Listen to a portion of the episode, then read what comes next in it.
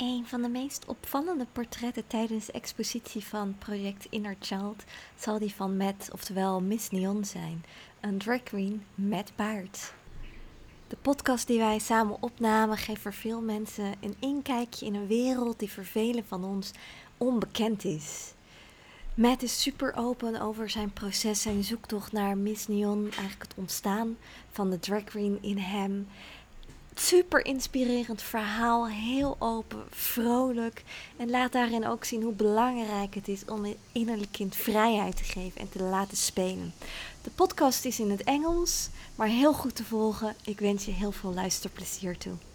Welkom bij de podcast van het project Inner Child. Een project waarbij de gezichten en verhalen van bekende en onbekende Nederlanders letterlijk en figuurlijk in beeld worden gebracht. Mijn naam is Sabrina Souban. Samen met André Sprong neem ik je mee in de wonderenwereld van het innerlijke kind. Tijdens een expositie in mei en juni 2023 in Amsterdam laat André met sprekende foto's zien hoe in ieder van ons nog altijd een kind aanwezig is. Deze podcastserie biedt verdieping bij de prachtige portretten. Met de geportretteerden ga ik in gesprek over hun jeugd, innerlijk kind en levenslessen. Daarnaast neem ik je alleen of met andere experts mee in de achtergrond van het innerlijk kind. People who are just listening to the podcast, they have no idea who you are and mm -hmm. how you look. So, I can, can I call you a drag queen, or is there another way you want to describe that? No, drag queen is perfectly fine. Some people also prefer drag artist. Uh, it depends, but I I consider myself a queen for sure. Yes. And for yes. the people who have no idea, what is a drag queen or a drag artist? Can you explain a bit more about that? Yeah, so a drag queen, drag artist, drag performer is a is a person who uh, dresses in an extravagant way in of sorts of costumes and puts on different types of performances for an audience. I say person because originally uh, drag started as a male art form that they're like men dressed as women but in today's world uh, those those uh, gender lines are very blurred sometimes it's women dressed as women sometimes it's trans uh, persons dressed as men or women uh, so the community has evolved a lot over the last 10 15 years mm-hmm. so uh, yeah. talking about gender a super personal question do you consider yourself as a man a woman or something else yeah, so I definitely say I am I I I see myself as a cis man. Um uh but obviously in drag I tap into my feminine qualities um and that's when I and that's why in drag I definitely go by she her and a queen um but uh, out of drag I, I'm definitely uh, a man. Okay. mm-hmm. Yeah. And at what age did you start with being a drag queen? I actually started not that long ago. I started in the middle of the pandemic. Everything sort Oh. of changed uh, in the pandemic. So the story goes a little bit um, during the pandemic, I had a burnout of my job. Uh, so I was a graphic designer. Mhm. Um, and I was going through therapy and things like that. And um, during that time, uh, I, I was trying to figure out like how to get out of this mind space of sorts of like um and uh my therapist had said you know get out do activities that you enjoy find find something. And i've been so focused on work my entire life that i never never really necessarily had that passion. So i started um, doing things and she recommended try activities that you did when you were younger. So i joined dance class was sort of my first thing and through that and i've always been a big fan of drag uh, just going to shows and going watching it on tv and things like that um, and so i started just playing around and having fun and, and that allowed me to find this art form that now i do on a very regular basis Wow. So it's just something for the last two years, some around that? correct yeah Okay. yes Okay. Cool. And you say that your therapist mentions start with doing the things that you did when you was younger. yes So like the dancing. Was it also like the dress up part of your childhood? Oh, that's that's a funny one. So we'll, we'll that's a two. so yeah, my therapist. So I've always loved being on stage as a young child. Um, however, uh, in my household that was not necessarily like a career path of sorts or or something that was sort of taught to me. Uh, and Mm. when you're talking about dressing up as a kid, I remember when I was really, really young, I was obsessed with the Spice Girls. Um, and me and my neighbor used to always dr- uh, dress up as the Spice Girls. Um, and she was always Baby Spice, and I was always Posh Spice because Posh was my favorite. Um, but uh, I was told by my father that that was not okay. And so I, it, it was kind of like taught to me that it was not okay to dress in this way and therefore yeah and then we just never really explored it and it was just very much like nope you can't do that and that was it so actually when you start thinking about you know things as a when when I was a kid or or therapy or anything like that it didn't really cross my mind till right now but that story is obviously quite strong in my mind um so yeah I kind of had to unlearn some of that stuff hmm And at the moment that your father mentioned that you cannot dress up like that, was that for hmm you the reason to stop with it, or was you more like the sneaky one and will keep doing it? No, well, so I, I made a deal with my dad at the time where it was um like he's like, no, you can't dress up like that. And I was like, and we made a deal where I was allowed to be sporty spice because sporty was always in like tracksuits and not in dresses. hmm Um, so that was a compromise I made with my dad at the time. Um, and then obviously uh, so i'd never really dressed up in that sense but like halloween i grew up in canada i'm canadian right? So i grew up in canada and halloween's such a big deal and so it used to be my favorite holiday because we used to always get dressed up uh, anytime there was a costume party i would always like start thinking of things. So uh, and also dance class and rehearsals and performances we used to always do i used to always love dressing up. So it's still in me but i just wasn't able to express it in the same way that i express it today Mm, I see. That's an interesting story. And that sporty spice, you said that like, that was more the uh, the sporty one with the um, uh, what is the name? of it? tracksuits yeah it was like Yes. yeah So then you can be like the guy, but also the girl. That was the idea Yeah, behind it from your father? yeah. My father didn't like the idea of me putting on makeup or getting put put into a dress, um, and so, but he knew that I liked the Spice Girls, and it, and we were all playing it. So I I guess it, it was he was also struggling with it, and so therefore, when I said, "Oh, I'll be sporty spice," he was like, "Okay, fine." Mm-hmm. And did your father ever saw you as a drag queen right now? No, so none of my family has actually.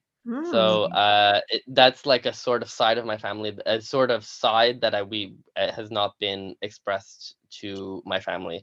So all my friends come to my shows and everything like that. Um, but also because of the distance, uh, we also don't live in the same country. It's sort of easier to to keep it uh, a- away from them. And honestly, I have no idea how they would react. So for me, it's more of like I'm happy to do myself. I'm happy to be me. I'm happy to do this. And I don't necessarily need to share every single part of my life with every single person. Yeah, I understand that. So they have like really no idea about this whole part of your life. No, it's very much a mystery. Mm, Mm, okay. Um, yeah, when we go back to the childhoods, you already mentioned a few things.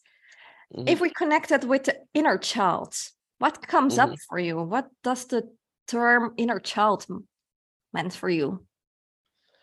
Uh, I mean, for me, it's like it, it's what um you make certain career paths or career choices as a as an adult, right? As like the responsible thing, the thing to make money and things like that. For me, the inner child is uh that kid that has no worries, that person that just keeps like going. Um and and that's why like when you talk about things like that and and this is also where where drag comes into my my life a little bit is I don't know. I think a lot of kids in when they were young, or at least I did, I always wanted to be a pop star. I wanted to be the Spice Girls on stage or Britney Spears or the Backstreet Boys or whatever. And and I feel by doing drag, you know, that I'm sort of living my own little fantasy in my own little bubble. Yeah, so for you, is the inner child really related to freedom and express yourself without worrying about what other persons think about you or might say about you or Uh, but uh, also this inhibition to just be free and have no worry and just keep going. You know what I mean? Like like when I was younger, I thought I could be the next superstar. And as you grow up, you you realize that that might not be sort of the case. You know what I mean?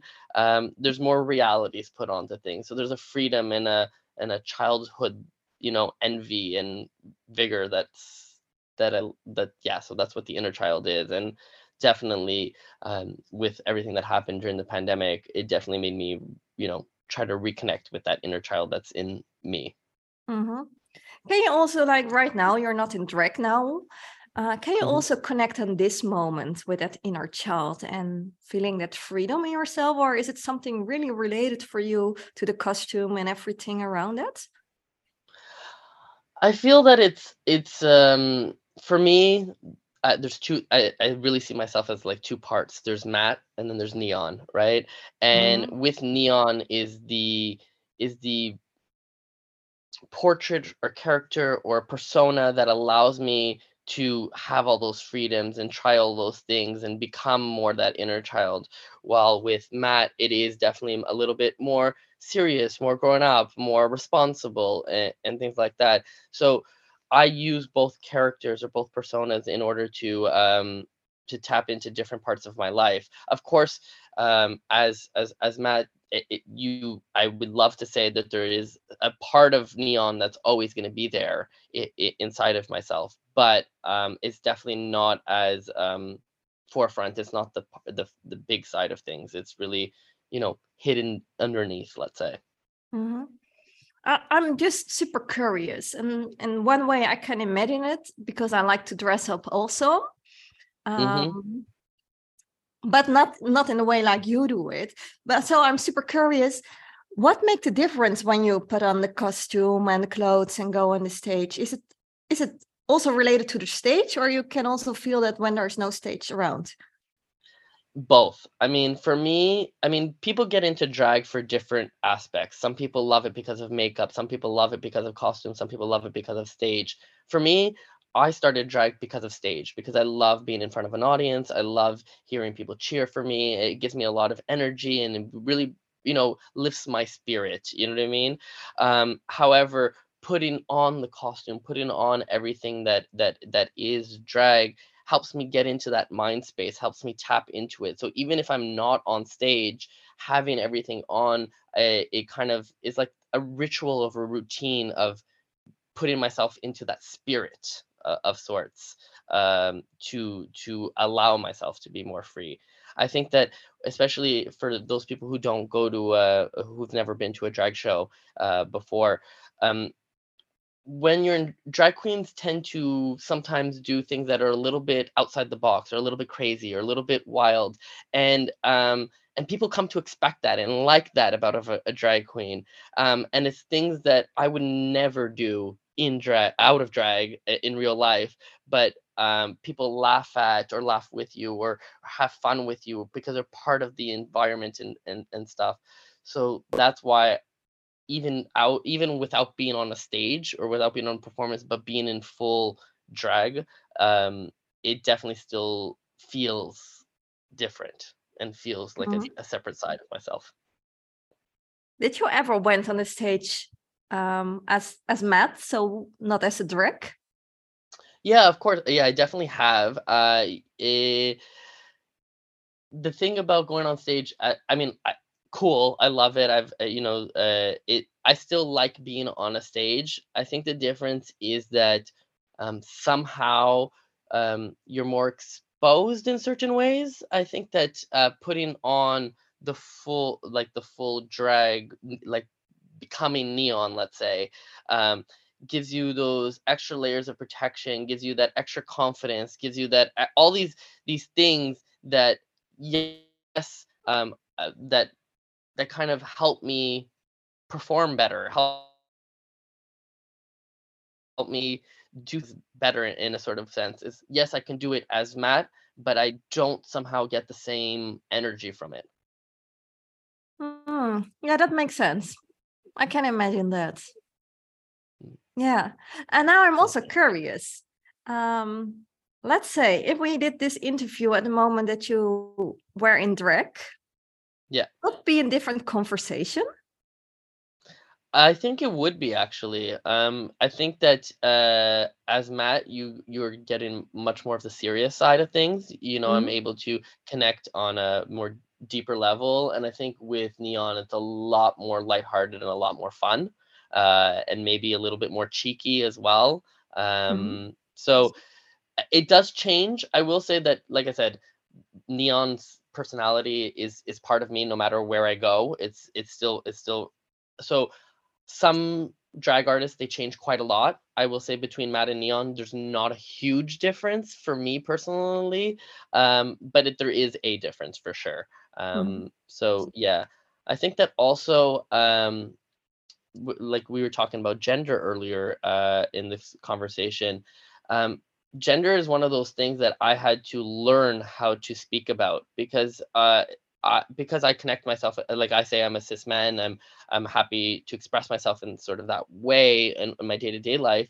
Um, when I started doing drag, I used to get a lot of conversations about, oh, are you transitioning? Oh, do you uh, do you see yourself as female? And these are were very confronting when I started my my journey in drag, and now is part of my everyday vocabulary and conversations that uh, are need need to be had.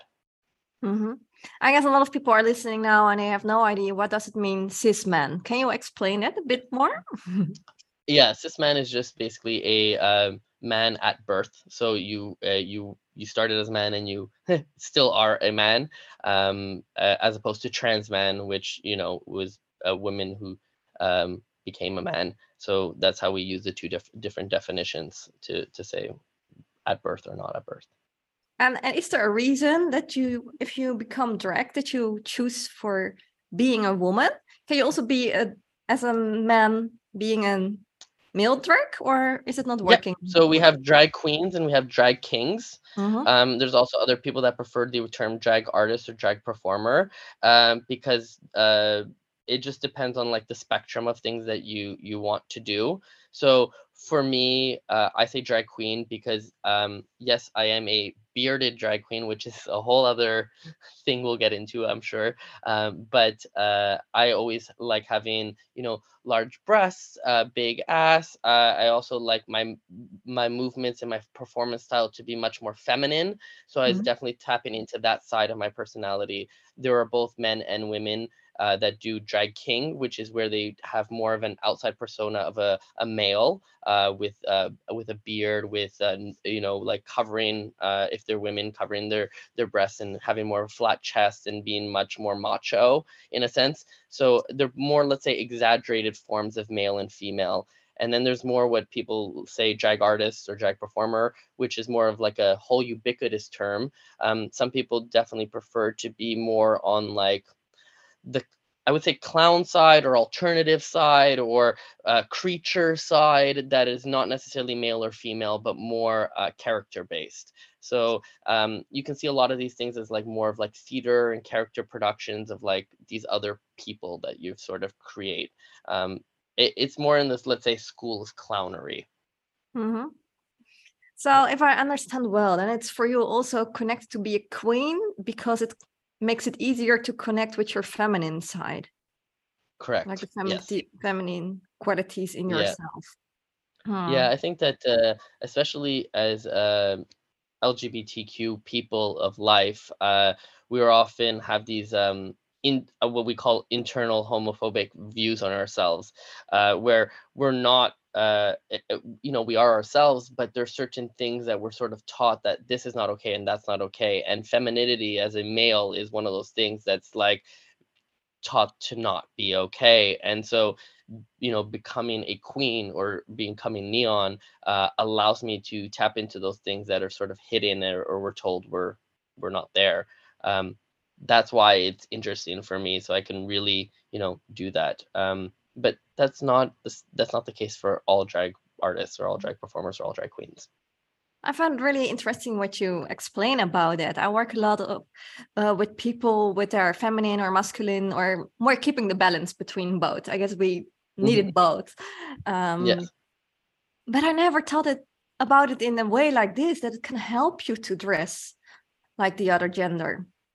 That's Yeah, I mean, for me, it for me it does. I mean, I don't know Mm. if it, it is for other people, but you know, there's that common saying, uh, "Walk a mile in their shoes." You know what I mean? Uh, Mhm. when you're talking about other people, and try walking a mile in heels, and you'll really get an idea of uh, of how how it feels. Um, yeah, and and you definitely like myself as a as a man, um, I remember doing a photo shoot uh, just in the streets of Amsterdam um, in, in drag, and I was so confident. I thought I looked so good. I had my friends taking pictures, and I got called a bunch of slurs. uh, You know what I mean? And and people were coming up to me, giving like calling me names. So it, it made me realize, oh wow, if this is what some people go through, like I really don't know. I definitely live in my little bubble because even when I do drag, I'm on, you know, different queer venues and it's really highly appreciated and sought after. But once you leave those venues, it's not necessarily always the safest space.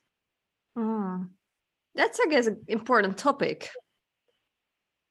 I think so. Yeah. I think that the world still has a lot to to, to grow and learn from it. Mhm. And the best way to do it is to be more visible. And that's also why when I saw this project, I saw it, I, I thought to myself, yes, I'd love to be a part of it because I feel like I have quite a story to say, but also because I feel like it's quite important to be a representation that we want to see on in, in TV media and all sorts of different uh, forums. Exactly, because you mentioned that bubble. I guess we all have our bubble.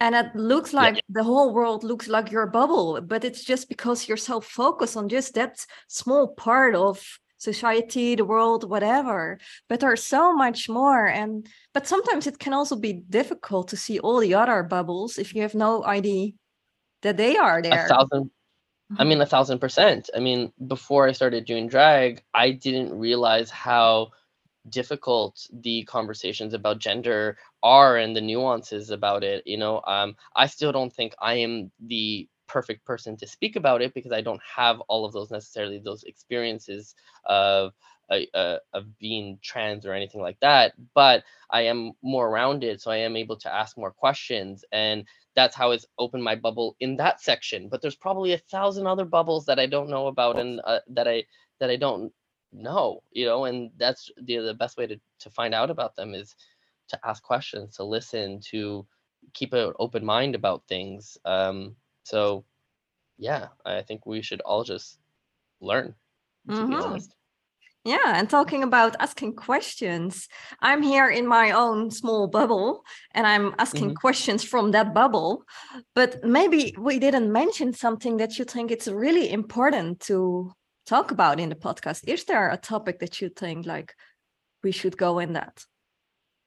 Um, there, I no, I think that the big questions that you definitely for sure asked, you know, I think that it's important, you know, the the gender questions and the the, the performance questions and the the um, you know he she versus the pronouns sorry uh, questions. Uh, i think those are the, the big ones that i definitely wanted to talk about uh, on here. Uh, of course you know there are the more light-hearted ones that people often ask me like oh how did you get your name? and things like that. But uh, but those are, are are more fun let's say. Hmm So that's more a question for the queen. yes. Okay, then another bit more serious question. Yeah Um, I can imagine that people listen to this podcast and maybe also discover something new inside them themselves, or maybe already Mhm. had that idea in mind, like, hmm, it might be interesting, or there is something in me that want to try that, but you know, there are also a lot of ideas, I cannot do that, or it's not normal, blah blah blah. What kind Mhm. of advice can you give to people? just try it honestly um it's it's not going to hurt you you know what i mean? I, i'm a big believer in try things figure out if you like them. If you don't like them you never have to do them again. Um and i do feel and, and whether it's drag or something else um but let's bring it back to drag. Um i always say that drag is for everyone. Uh you know it might be for one day it might be for your entire career but um i promise you by doing drag you will find you will tap into uh, something another part of your your being your body your personality. You'd be surprised on what can come out. I've definitely put uh, a couple of my friends in drag uh, because they were quite curious when they came over and i could see their personalities change when they put it all on and i find it quite interesting fascinating and uh, and and they have no intention of continuing but they had fun in the moment and i think that that's what life should be. It should be just be fun. And um and whatever that medium is for you, you should definitely go ahead and, and not be afraid to to try. Um and if you fail, who cares? Like it's your life. Nobody you don't need to live it for anybody else. I love it. And I also want to try it now. I just have to think back of an um a situation a few months ago.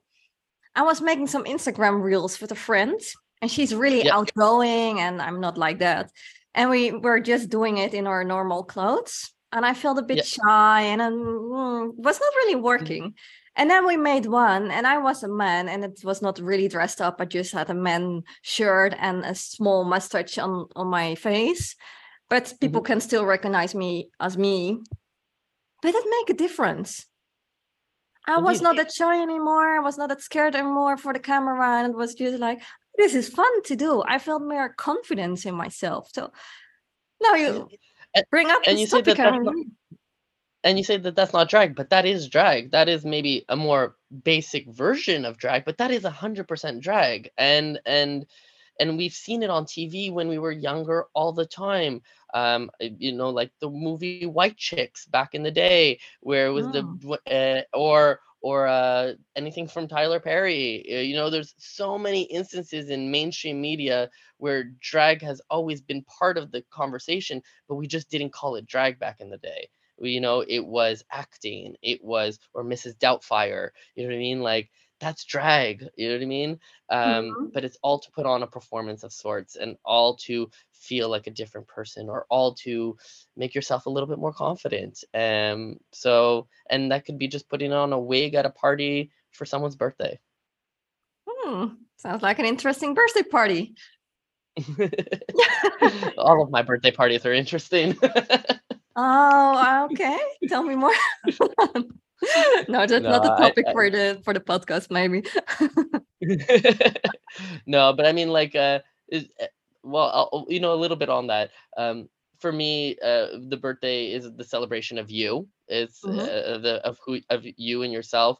So, um, yeah, I mean, I remember going to birthday parties and people have wigs on, or you know, like it was just a fun celebration, and so it kind of connects into that being that child of sorts of like you know, it was all about you. You could do whatever you want. It was you're more free. At least that's how it was for my birthdays, um, and that's why I love my birthday. mm-hmm. But what I what I also love about not just this part, but actually about your whole story.